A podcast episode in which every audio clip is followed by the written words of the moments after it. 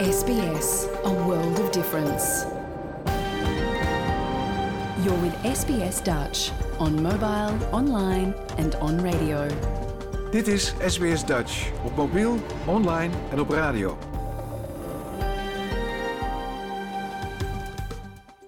Graag erkennen wij de traditionele eigenaren en verzorgers van het land van waar we vandaag SBS Dutch uitzenden en uiten we ons respect aan de Camaragal mensen van de Kurungay Nation en hun ouderlingen uit het heden en het verleden. Ook kennen we de traditionele eigenaren van alle Aboriginal en Torres Strait Islander landen van waar u vandaag naar ons programma luistert.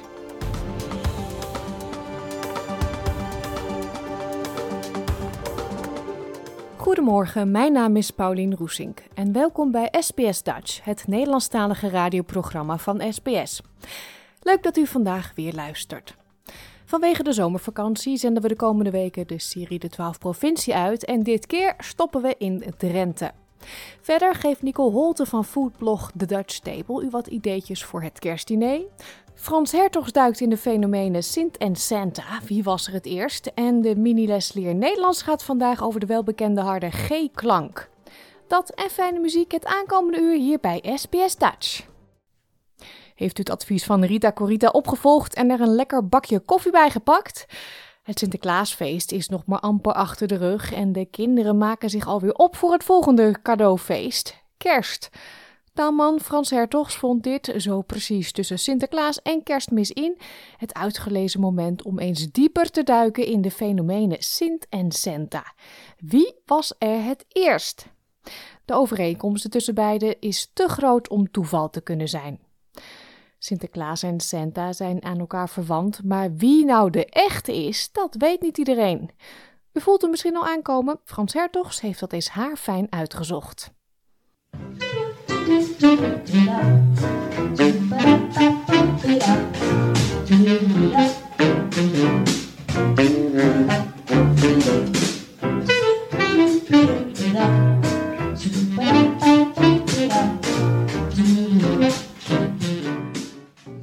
De waarheid over Santa Claus. Is Santa Claus nou wel of niet een slap aftreksel van Sinterklaas? Of is het misschien andersom? Nou, dat is voor veel Nederlanders een kwellende vraag. En terecht. Want de overeenkomsten zijn te groot om toevallig te zijn. Maar wie is nou de echte? Nou, laat ik die prangende vraag meteen beantwoorden.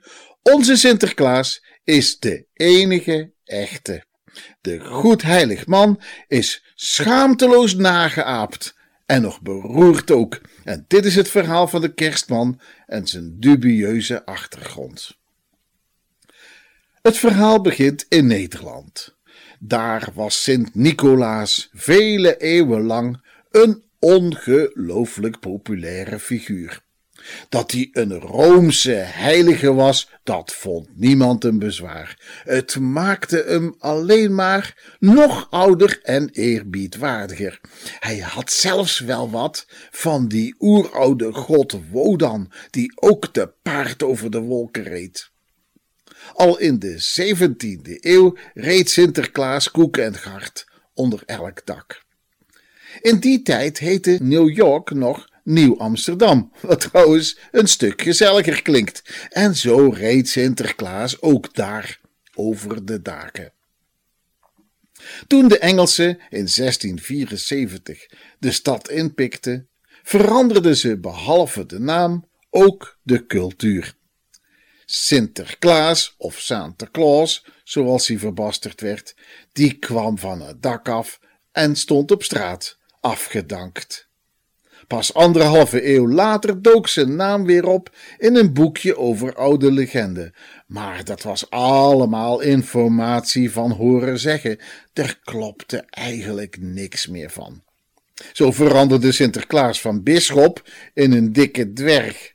De wijze weldoener werd een zwetende potsenmaker. Zijn enige tekst bestond uit een halfdronken ho ho ho ho ho. De vierde ruiter werd een vatsige arsleezitter en een soort bezemsteel verving zijn bisschoppelijke staf.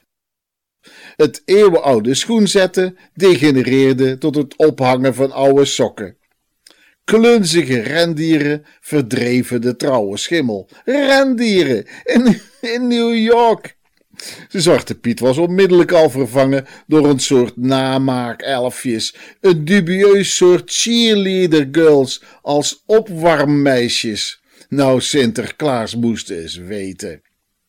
Als folkloristisch feestfiguur leidde de lichtelijk mismaakte Santa Claus geen gelukkig leven. Al gauw werd hij gedwongen om op te treden in warenhuizen en winkelgalerijen, waar hij een wat kwijnend bestaan leidde. Maar in 1931 ging ook voor de verlopen kerstman de Amerikaanse droom in vervulling.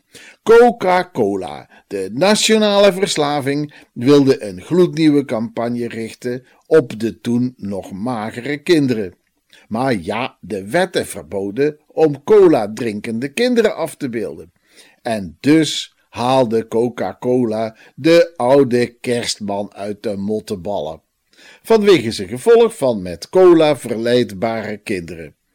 Santa kreeg een gewatteerd kunststofkostuum in de Coca-Cola kleuren. Nou, de campagne was een verpletterend succes. Eerst in de States en toen de Amerikanen de Tweede Wereldoorlog wonnen in de hele wereld. En sinds die tijd, sinds die tijd Jengelbelt en Ho Ho Santa Cola, oh sorry, Santa Claus wereldwijd tot diep in de tropen. Het is in en in treurig dat deze vercommercialiseerde oplichter zelfs in het hartland van Sinterklaas zijn namaak bondlaars aan de grond heeft gekregen. Ja, mensen, zo hebben traditie, stijl en standing plaatsgemaakt voor platte geldzucht en smakeloze kermiscultuur. Maar ach, wie is er tegenwoordig nog geïnteresseerd in de waarheid over Santa Claus? Nederland is misschien niet zo groot qua oppervlakte, toch is het land opgedeeld in een twaalftal provincies. En er zit ook maar slechts 300 kilometer tussen Noord en het zuiden van het land. Maar het verschil tussen de provincies is toch best wel groot. In de podcastserie De 12 Provinciën leren we de Nederlandse provincies beter kennen dankzij de verhalen en herinneringen van in Australië woonachtige Nederlanders. We vervolgen onze reis door Nederland vandaag in Drenthe. SBS Dutch, woensdag en zaterdag om 11 uur ochtends of online op elk gewenst tijdstip.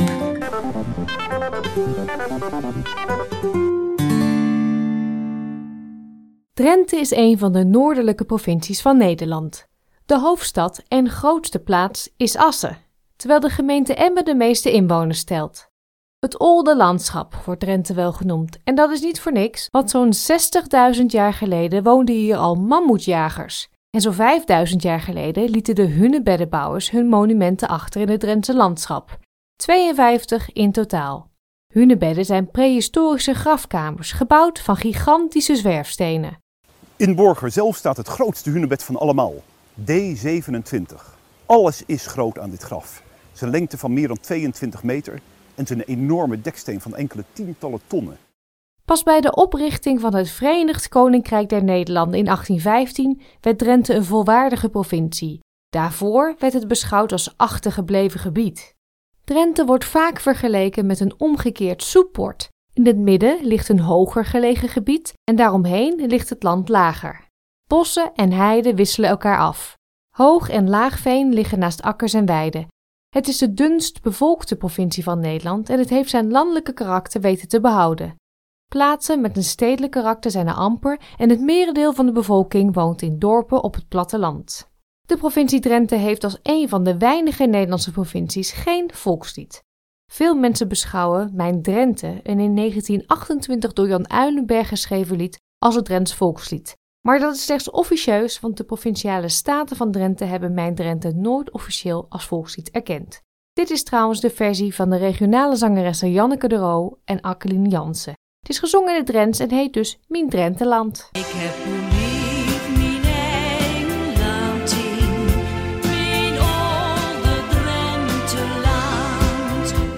Drenthe heeft dan misschien geen officieel volkslied, het was wel de eerste provincie met een officiële provincievlag. De vlag, in 1947 ontworpen door Gerlof Bontekoe, heeft als basiskleur wit. Er staan twee rode strepen en zes rode sterren op de Drentse vlag.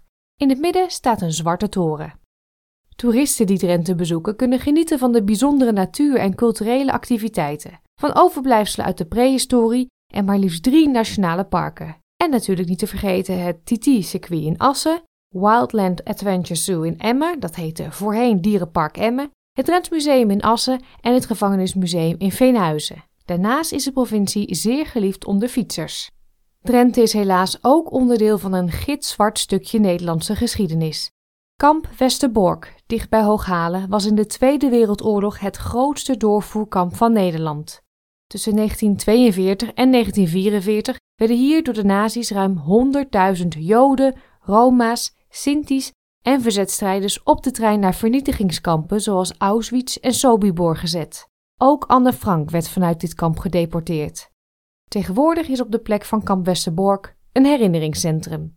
Die vervolgingsgeschiedenis van de Joden en Sinti en Roma, dat is een hele grote geschiedenis. Het gaat om duizenden slachtoffers. En wat we proberen is het verhaal terug te brengen naar een persoonlijk verhaal. Het verhaal van een individu. Degenen die opgroeiden in de jaren 70 en naar de Nederlandse televisie konden kijken, kennen vast en zeker Bartje en weten dan ook wat hij niet lust. Dondersmiddag, want ik ben. Zul je nou willen? Ik weet niet van Bronnenborn! In 1972 werd Bartje verfilmd voor een zevendelige televisieserie, geregisseerd door Willy van Hemert. Deze serie was net als het boek, dat werd vertaald in het Duits, Zweeds, Fins, Deens, Noors, Tsjechisch en Hongaars, een doorslaand succes. De serie zorgde er uiteindelijk voor dat Bartje uitgroeide tot het symbool van Drenthe. Bijzonder was dat alle rollen in de serie werden gespeeld door mensen uit Drenthe en dat de lokale spreektaal gehanteerd werd. Bartje heeft tegenwoordig een eigen standbeeld in Assen. Tot zover de feiten en weetjes. Ook Drenthe heeft vertegenwoordigers in Australië en die vertellen graag over hun provincie. Allereerst vroeg ik hen om hun Drenthe te omschrijven. Nou ja, de eerste woorden die, die bij mij bovenkomen is rust en natuur. Ik beschrijf het als landelijk, veel maisvelden en heel veel kleine dorpjes. Het is ook wel een beetje de fietsprovincie, denk ik, van Nederland. Als ik terugdenk aan toen ik daar nog woonde, was het vooral in de zomer altijd een beetje overspoeld met fietsende toeristen. Dus ik denk, ja, fietsen is wel echt een dingetje voor Drenthe. Hunebedden en Drentse turfjes. Met allemaal van die noten en eh, kaneel. Een soort ehm, carrot cake, maar dan met noten en kaneel en meer lekkerigheid. Ja, het zijn misschien clichés, maar Drenthe is een heel groene provincie. Er is heel veel bos, mooie heidevelden, zandvlaktes. Er hangt gewoon een, ja, een relaxte sfeer. Er wordt op een wat lager tempo geleefd. Ja, ik denk dat ik dat zeker, omdat ik ook 6,5 jaar in Amsterdam heb gewoond, nou ja, heel goed die verschillen natuurlijk kan zien. Mooie dorpjes, eh, waarvan een vriendin voorbij zei, waar de tijd lijkt te hebben stilgestaan. Nou ja, dat vond ik wel mooi en dat is ook wel eh, een beetje zo. Een provincie waar de tijd op sommige plekken stil lijkt te hebben gestaan, aldus Simone Lautenbach. Simone groeide op in Nieuw-Dordrecht en woont nu in Melbourne. Nederland telt 12 provincies, maar wat maakt Drenthe nou zo anders dan die andere elf? Je hoort als eerste Hans Strating, afkomstig uit Westerbork, nu wonende in Blacksland in de Blue Mountains ten westen van Sydney. Dingen als hunebedden en dergelijke, hoewel, dat- ja, ik weet niet hoezeer dat nou zo eh, aantrekkelijk is. Maar ja, ik denk dat het vooral de natuur is. Wat ik ook heel leuk vind aan, eh, aan Drenthe is dat mensen op straat hoi tegen elkaar zeggen. En hallo. Dus als jij een eindje gaat fietsen of je wandelt in het bos, dan ja, mensen zeggen elkaar goeiedag. Dat, dat is iets wat je ja, in de Randstad niet, eh, niet tegenkomt, waar iedereen heel erg op zichzelf is. Ja, dan is er natuurlijk ook nog het negatieve aspect van Kamp Westerbork, wat natuurlijk heel erg ja, een, een, een vreselijk overblijfsel is eh, uit de Tweede Wereldoorlog en daarvoor. We hebben heel veel nou, historie, eh, maar we zijn wel bij de tijd. En eh één herinnering die mij heel erg bijstaat, is eh, in het restaurant van mijn ouders, waar ik destijds ook werkte, hadden we wat jongeren van volgens mij Amsterdam of Rotterdam. En die zitten echt aan een tafel en een van hem zegt, luister, ze draaien muziek van nu. En van, is, is dat nou echt wat je, wat je van ons denkt? Dat we niet eens heden huidendaagse muziek draaien? En twee seconden later was het, oh, paard en wagen, paard en wagen, toen de, de buurman langskwam. Eh, dus er is wel een beetje een, een verschil in, in wat voor ons normaal is en wat voor hun normaal is. Maar we zijn echt wel bij. De in Melbourne woonachtige Carla Sikkens groeide op in het kleine dorp Zuidveld in Midden-Drenthe. Aan wat voor een persoon en eigenschappen denkt zij als ze de echte Drent zou moeten omschrijven? Nou ja, als je zegt de echte Drent, dan komt de boer toch wel als eerste in mij te boven. En de mensen zijn eh, lekker eigenwijs. maar ze kijken wel, ze, ze zorgen voor hun eigen. Weet je, dus als, als jij een probleem hebt, dan zal jouw buur er voor je zijn. Maar als je niet vandaar komt, dan kijken ze wel even twee keer voordat ze je de hulp aanbieden. Als je een Drent vraagt van, joh, hoe gaat het? Dan zal hij bijvoorbeeld zeggen, niet slecht. Of kom erger. Of het, uh, zoiets. Het is een beetje net als Australiërs die, die dan zeggen van, ah, not bad. Of... Mensen lopen ook niet te koop met wat ze hebben. Of wat ze hebben bereikt. Dat, uh, ja, in Drenthe, Drenthe hebben echt een hekel aan, uh, zoals wij dat zeggen, snakkerts. Dus mensen die zeg maar opscheppen over, of nou niet eens per se opscheppen. Maar wij, ja, wij houden dat denk ik nog meer voor onszelf dan, zoals wij dan zeggen, mensen in het Westen dat zouden doen. Nukkig, we zijn niet echt open in het algemeen. Ik denk daarom dat ik daarom ook weggegaan ben. Tot, um, ja, wij, Drenthe die luisteren voordat ze beginnen met praten. Dus een, een Drent op een verjaardag is heel erg uh, formeel als je uit een andere hoek van het land komt, denk ik. Veel Drenten die houden van regelmaat en het zijn echte gewoontedieren in mijn ogen. Ze, ze houden niet van verandering. En als je een echte Drent bent, dan heb je minstens een paar klompen in je scheur staan. Je praat natuurlijk Drents en je houdt van geheime zendermuziek. Mensen die dus in hun schuur een, een, een geheime piratenzender hebben en, en allemaal Nederlandse piratenmuziek draaien en, en af en toe um, wat zeggen. En het is natuurlijk niet legaal, maar goed, daarom is het juist waarschijnlijk nog meer populair om zoiets te doen. En ja, elk dorpje heeft wel, uh, wel, wel minstens één geheime zender. Misschien is het tijd voor een nieuwe slogan. Drenthe, de piratenprovincie. Marinke Clark uit Zuidwolde woont tegenwoordig in de Northern Territory in het plaatsje Humpty Doo op een half uur rijden van Darwin. Drenthe zijn naar eigen zeggen dus stug en gesloten. Kunnen ze dan wel uiten dat ze trots zijn? Trots op hun provincie bijvoorbeeld? Misschien ben ik wel een beetje een Drenthe in die zin dat ik het moeilijk vind om onder woorden te brengen of, of en waar ik dan trots op ben of zo. Maar ik, ik, het is wel heel erg mijn thuis. In die zin, mijn familie woont er nog. Uh, ik voel me er wel heel erg thuis. Dus ik denk dat het van binnen, dat ik zeker wel trots ben. Hoewel ik het misschien niet zo goed onder woorden kan brengen. Ja, ik merk dat ik wel trots ben. Um, met name als ik gewoon terugkijk naar mijn jeugd en hoe ik ben opgegroeid. Gewoon heel vrij en dus heel erg in het groen. Wij gingen altijd met vriendjes en vriendinnetjes. Ja, ik woonde echt in een dorp, dus wij struinden echt over de akkers en door de bossen. En ja, mijn ouders wonen ook heel ruim. Dus wij gingen van, van de ene tuin naar de andere tuin. En uh, ja, dat was echt fantastisch.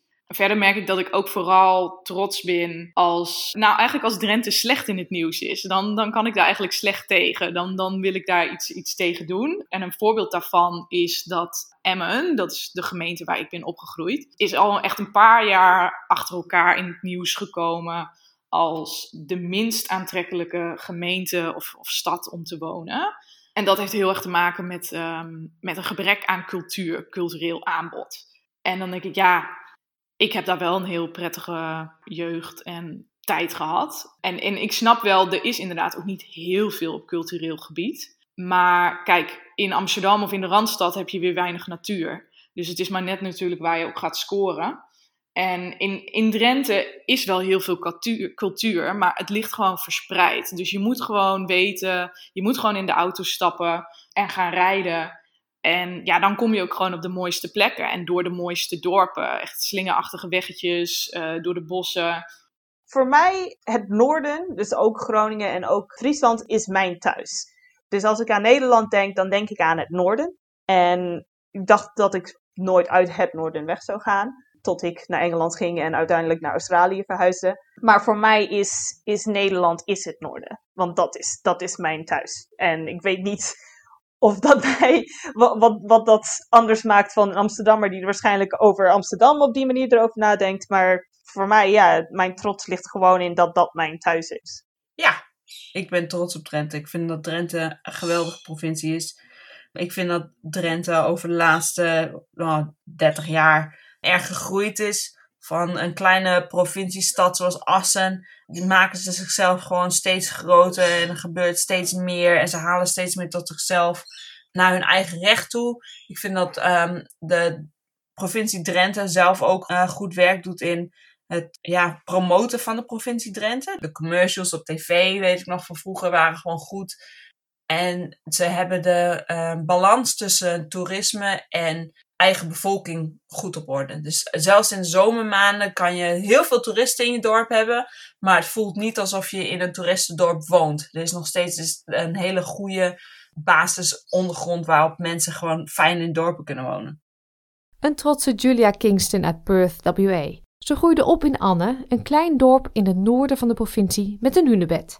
De hunebedden zijn een belangrijk onderdeel van haar jeugd. Elke trend die in Noord-Drenthe opgegroeid is rond hunebedden. Wij hebben allemaal foto's van zittend op ons hunebed. Dus ik heb foto's van mezelf dat ik groot word op het hunebed. En ik heb foto's van mijn kinderen die langzaam groot worden op het hunebed.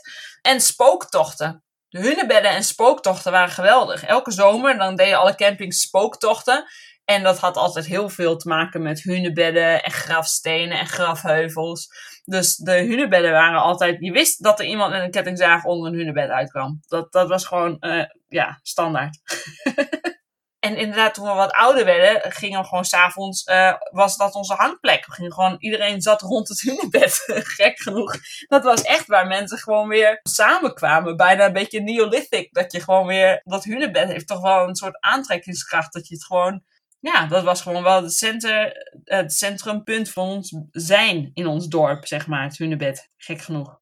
Wat ik, waar ik meteen aan dacht en wat me nu zo erg opvalt nu dat ik in Australië woon, is dat in Drenthe alles heel erg kleinschalig is en heel makkelijk te bereiken. Dus we gingen overal heen op de fiets. Zelfs toen ik op de basisschool zat, mochten we alleen naar school fietsen, want dat was twee, twee minuten fietsen. We fietsten alleen naar de middelbare school, dat was dan wel 10 kilometer. Dat vonden we natuurlijk niet echt leuk als tieners, door de sneeuw en, en, en ijs en dat soort dingen. Maar ik voelde me er wel heel erg veilig. Er was geen criminaliteit eigenlijk. Was me er in ieder geval niet van bewust. En ja, we mochten overal alleen heen, zelfs als jonge kinderen. Je kon gewoon op je fiets stappen of op de straat spelen. Dus dat zijn mijn herinneringen van ja, lekker buiten spelen. En nou ja, zolang je maar voor het donker thuis was, dan verder kon je gewoon overal zelf lekker heen.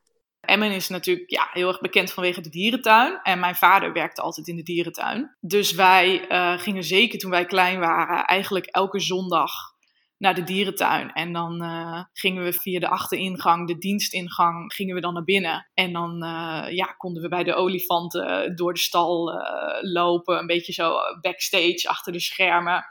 Ja, daar heb ik hele, heel goede herinneringen aan. Ja, ik hou heel erg van dieren en van de natuur. En ik denk dat dat daarmee heel erg ja, is ontstaan. En dat dat heel erg heeft aangewakkerd. Ik heb wel wat herinneringen en daarvoor moet ik eerst even uitleggen waar ik woon. Uh, ik woon aan het Oranjekanaal in het midden van Drenthe. In een dorpje met minder dan 100 inwoners. En wij leven vrij dicht bij Orvelte, wat mensen misschien kennen. Dat is een historisch dorpje. En om Orvelte heen ligt een heleboel heide. Wat wij gelukkig nog steeds wel wat hebben. En een leuke herinnering voor mij is paardrijden op de heide. En uh, langs de ijzertuigboerderij gaan. En zwemmen bij de Iberenplas. En inderdaad van die rust en die natuur genieten. Wat me vooral bijstaat aan mijn jeugd in Drenthe is dat het gewoon veel. Ik ben opgegroeid in een klein dorp en het, ja, er was gewoon altijd vrijheid, blijheid. Je kon altijd gewoon. Uh, ik speelde eigenlijk gewoon altijd buiten. En volgens mij maakten mijn ouders zich ook totaal geen zorgen om mij. Want ja, er gebeurde toch nooit iets ergs of zo. Het was niet zoals een, een grote enge stad of zo. Je kon eigenlijk gewoon altijd wel doen wat je wou. In hoeverre echt de dingen. Wat me wel vooral bijstaat is bijvoorbeeld met oud en nieuw. Dat we dan bijvoorbeeld uh, karbit gingen schieten. En met mijn, uh, met mijn vader gingen we altijd met oud en nieuw ook, um, dat noemen we kniepertjes. Dat zijn van die platte koekjes die uh, ja, een beetje op van die wafeltjes lijken. Het verhaal is kennelijk dat, dat, er twee versies zijn daarvan. De, de, degene die plat is, die staat dan symbool voor, uh, voor het oude jaar. En dat, dat betekent dan dat dat jaar is open, dus je hebt het gehad en je kan zien wat erin zit. Als die dan opgerold is en nog gevuld is, dan is dat symboliek voor het nieuwe jaar. En je weet nog niet wat erin zit. Tot zover de 12 provincie over Drenthe. Ook deze aflevering sluiten we muzikaal af. En dat kan eigenlijk maar met één liedje. Opfietsen van Skik.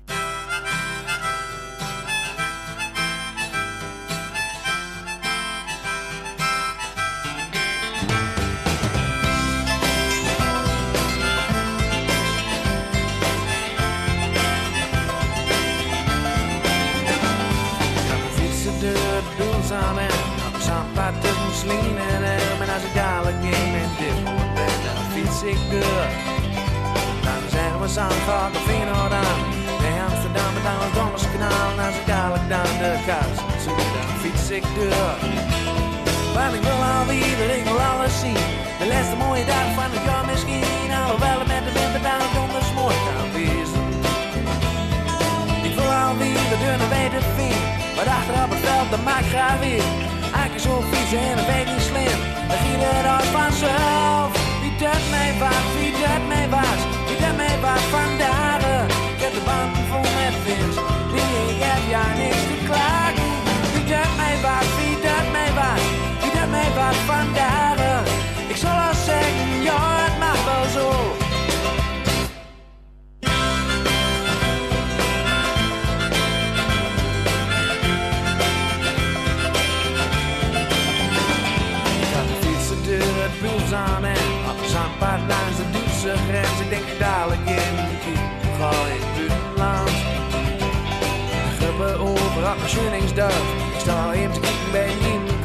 Sta hier in de denk, wat zou ik nou doen, links of rechtdoor? Want ik wil alweer en dan een hemel en meer.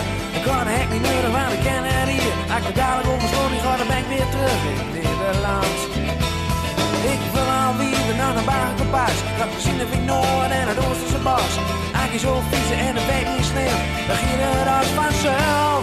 Wie dat mij was, wie dat mij was. Wie dat mij was vandaag. Ik heb de band vol met vent. Ik heb ja niks te klagen. Wie dat mij was, wie dat mij was. Wie dat mij was vandaag. Ik zal al zeggen, ja het mag wel zo.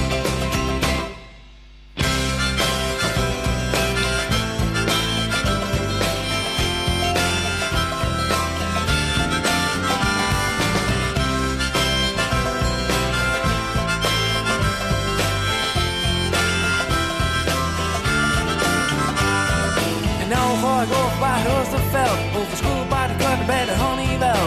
En dan recht door naar de bruggen van Oranje Duin. Een stukje blauwe zwieken aan de heren die. En achter zoals de bars en de toren zie. Dan fiets ik door, want het weet niet slim. Het giet vandaag van zullen. Wie mij was, wie mij was. Wie mij was vandaag. Ik heb de band vol met wind. Nee, ik heb ja niks te klagen. Vandaag. Ik zal al zeggen, ja het mag wel zo. Oh, wie dat mij was, wie dat mij was. Wie dat mij was vandaag. Ik heb de band vol met wind. Nee, ik heb ja niks te klagen. Wie dat mij was, wie dat mij was. Wie dat mij was vandaag. Ik zal al zeggen, ja het mag wel zo.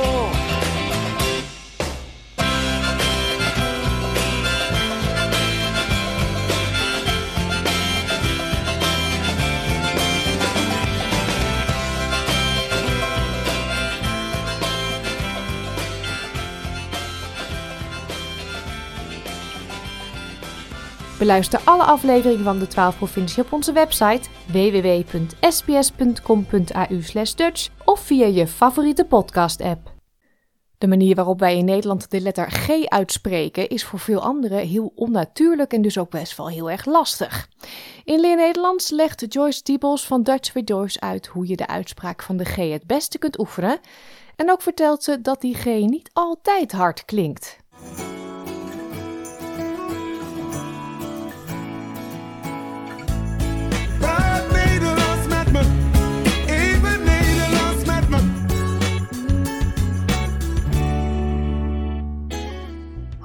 Ben Joyce van Dutch with Joyce, and today we have another mini lesson. For some, the most feared one, and for other ones, hey, I'd like to learn this. What are we learning? RG in Dutch. Now, before we start, there's actually two letter combinations that we use our feared Dutch G4. That's obviously the letter G, and we also have a CH combination, which sounds exactly the same. So let's get started. The G sounds like G. However, in Dutch, we also have a softer G sound. So in the region where I am from in the south, it sounds more like an G, nicer and softer. So maybe that's something that you want to take on. If we look, for example, at the word rain, I can actually show you how this sounds in, let's say, Amsterdam, in the south of the Netherlands, and even in Belgium. So the word for rain is regen. And in Amsterdam, they would say regen, very harsh. In the south of the Netherlands, they would say regen, a bit softer. And in Belgium, they would say regen. So it sounds even more soft and like, I don't know, it sounds like a melody. I like it. In order to make the G sound, you might need some practice, and that is a okay. If you are coming from a language like English, we don't have a G sound like we do in Dutch. So it's okay if you can't make it just yet. Another option, as we have learned with the R, is that we can do some gurgling. this R sound is like in our gurgle sound, but it could also help in making the G sound as well. Um, or you can try and cough. If we cough, we can do, you kind of have to make that clearing sound that can make a sound too.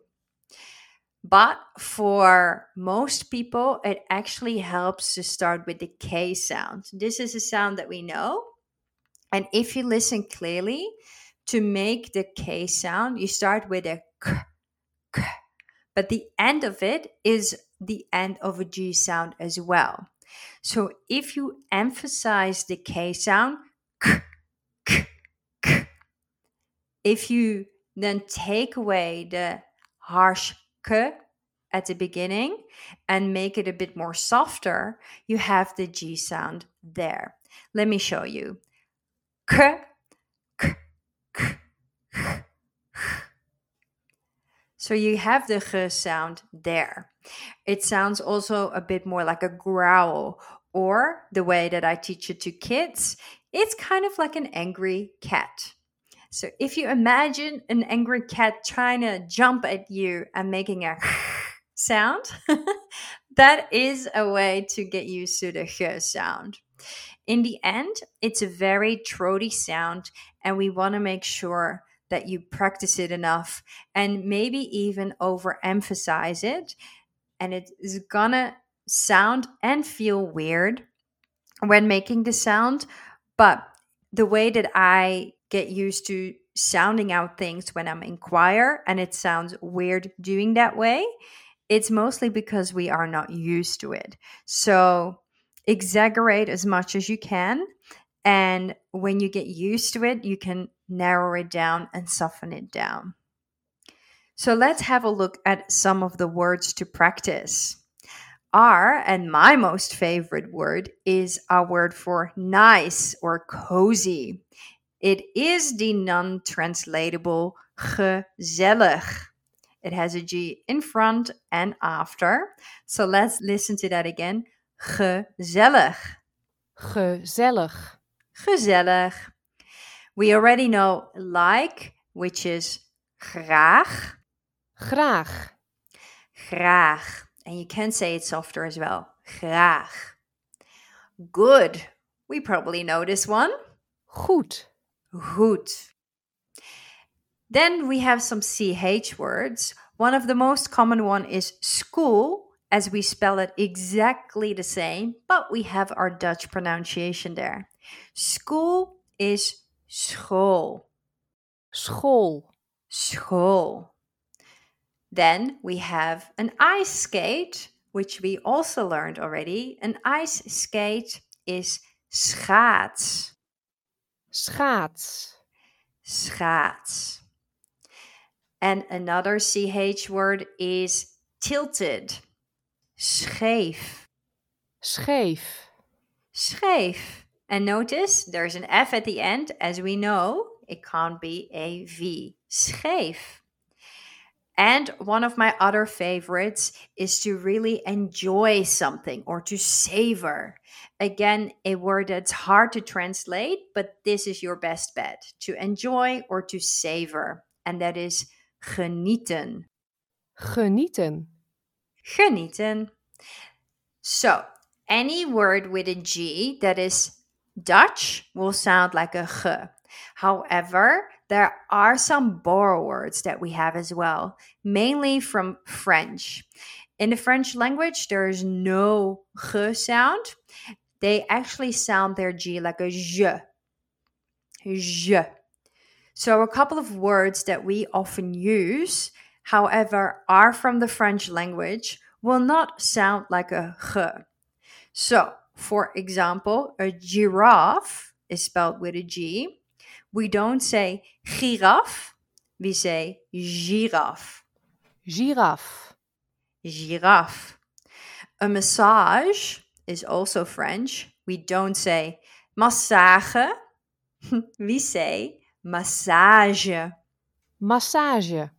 Massage. And the last one, a watch, like the one that you are wearing around your wrist, is a horloge. Horloge.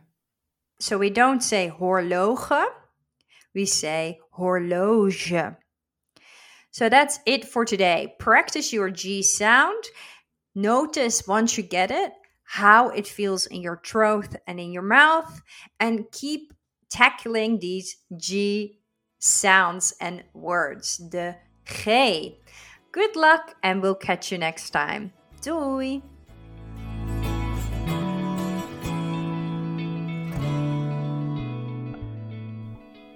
Alle woorden uit de les staan ook op onze website www.sps.com.au Dutch. Hier zijn trouwens ook alle andere lessen Leer Nederlands te beluisteren. Een van de bekendste Nederlandstalige bands van de afgelopen jaren met prachtige poëtische songteksten is De Dijk. Vorig jaar stopten de mannen na 40 jaar met optreden, maar gelukkig betekent dat niet dat we geen muziek meer van ze kunnen draaien. Dit is Groothart van De Dijk. Kerst is het moment waarop families vaak uitgebreid met elkaar tafelen. Waar de een voor deze speciale gelegenheid een uitgebreid vijfgangen diner voorbereidt, haalt de ander gezellig het gourmetstel uit de kast. En om u nou genoeg tijd te geven om even over het kerstmenu na te kunnen denken en de juiste ingrediënten erbij te vinden, bespreken we met Nicole Holte van de Dutch Table vandaag alvast enkele typische Nederlandse kerstgerechtjes. Jouw gemeenschap, jouw gesprek, SBS Dutch. Heel veel mensen die uit Europa komen missen, want hier heb je vaak een warme kerst op het strand. Ehm, bij jou is het gevoel er helemaal nog. Ja, het is, eh, het is al vroeg donker. Dit zijn ook echt de donkere dagen voor kerst, zoals mijn oma dat noemde. En dan is het wel extra gezellig. Overal lampjes aan, kaarsjes aan. Dus het hoort, het hoort wel bij het idee wat ik heb van, van kerstmis, ja. Het lijkt me Mm. heel anders inderdaad voor jullie, want is gewoon hoogzomer op dit moment. Ja, en dan zie je op tv eh, de Home Alones van deze wereld en alle kerstfilms met sneeuw en eh, gezelligheid qua lampjes. Dat is altijd wel een beetje grappig. Maar toch is het niet vervelend om die films te kijken hoor. Nee. Qua eten met de feestdagen. Ik denk dat ieder gezin eigenlijk wel zijn tradities had. Sowieso van welke dag ben je thuis? Welke dag ga je naar openoma of openoma A en openoma B? Je had altijd wel van die afspraken. Ik kan me heel goed herinneren dat we dan bij oma zaten en dat Annie op tv was. Annie. Altijd met kerst, ja. Ehm, wat voor herinneringen heb jij en ook wat betreft eten? Mijn herinneringen de, met de feestdagen waren we altijd bij mijn oma. Mijn oma was van oorsprong Belgische. En dus op kerst kregen we altijd konijn. En dat was dan konijn in het zuur. Maar dat werd ons als kinderen niet verteld. Omdat ze bang waren dat wij dat misschien dan niet wilden eten. Dus we noemden het altijd Belgische kip. Dus altijd als ze bij, bij oma kwamen, dan is het, krijgen we dan Belgische kip. Dat is eigenlijk altijd zo gebleven. Het is voor mij geen kerst zonder konijn.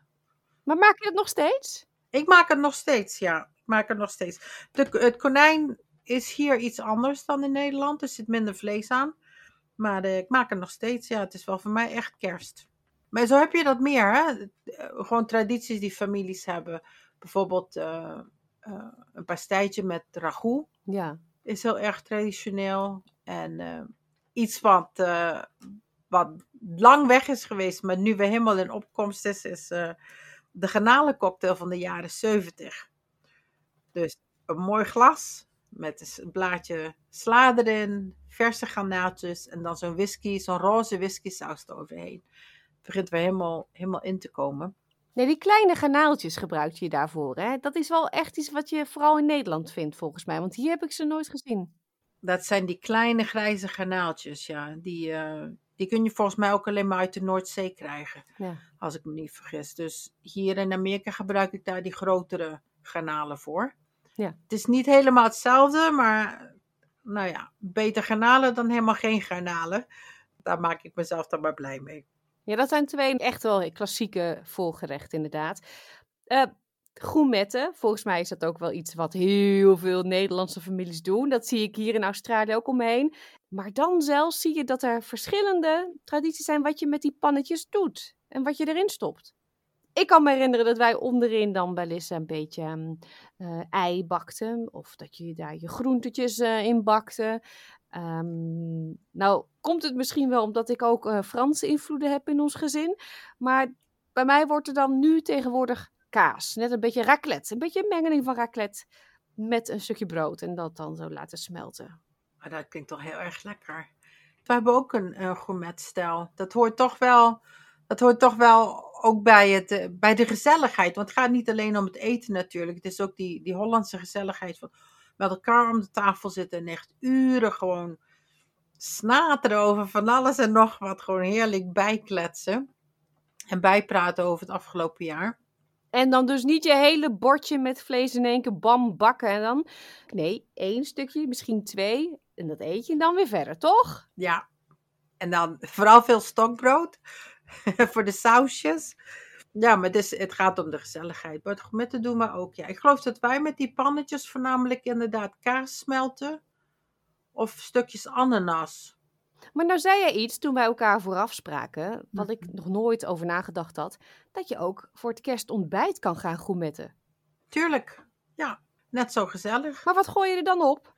Wat zou je er dan op kunnen gooien? Nou, je kunt natuurlijk met eitjes beginnen. Je hebt dus eitjes, je hebt kaas, je hebt eh, worstjes, champignonnetjes. Als je een beetje meer de Engelse kant uit wil gaan, je kunt champignons eh, opdoen met uitjes. ehm, pannenkoekjes natuurlijk. Dus je kunt hartig beginnen en dan misschien in de pannetjes onderop kun je je, je pannenkoekjes doen, zodat ze niet vermengd worden met, met de worstjes.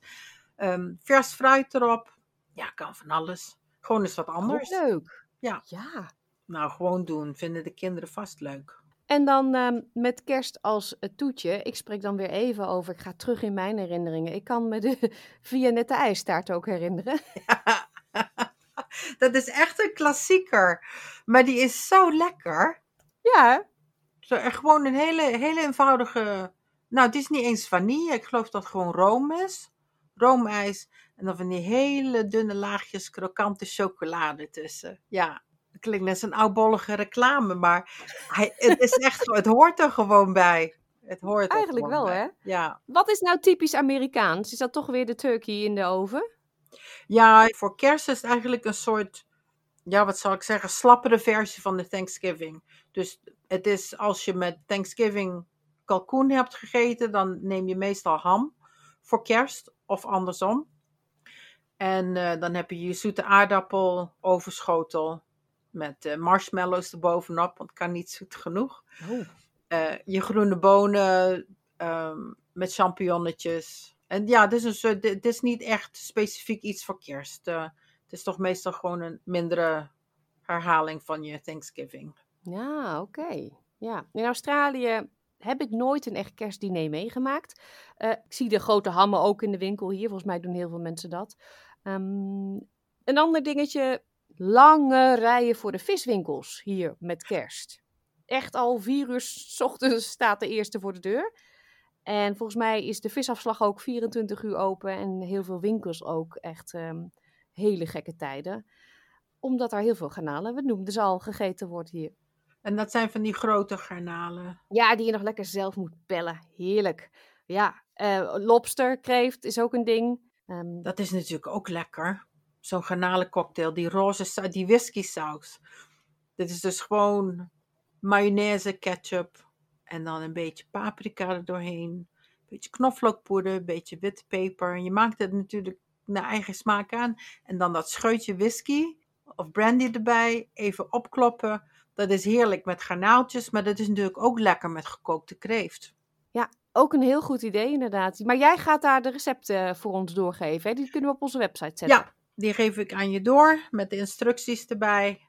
Om gewoon eens een lekkere, ouderwetse, oerdegelijke Hollandse garnalencocktail te maken. Yes. En je noemde ragout. Dat is wel, als ik eerlijk ben, een favorietje van mezelf. En dat mis ik ook wel. Kan je dat eh, ook doorgeven misschien? Zal ik ook de ragout doorgeven? Zal ik zeker doen. En wat voor eentje dan? Want ik kan me herinneren, kipragout, champignonragout. Of heb je een basisrecept en vul je aan wat je, ja, wat je Ja, ik heb een recept voor kippenragout, maar daar kun je natuurlijk net zo goed varkensvlees voor gebruiken. Of gewoon champignons, allerlei soorten champignons is net zo lekker. Het is in principe gewoon even een, een roux maken. Dus dezelfde hoeveelheid meel en boter. Dat smelt je in een pan. De boter smelt je in een pan. Dan doe je de, de, het meel erbij.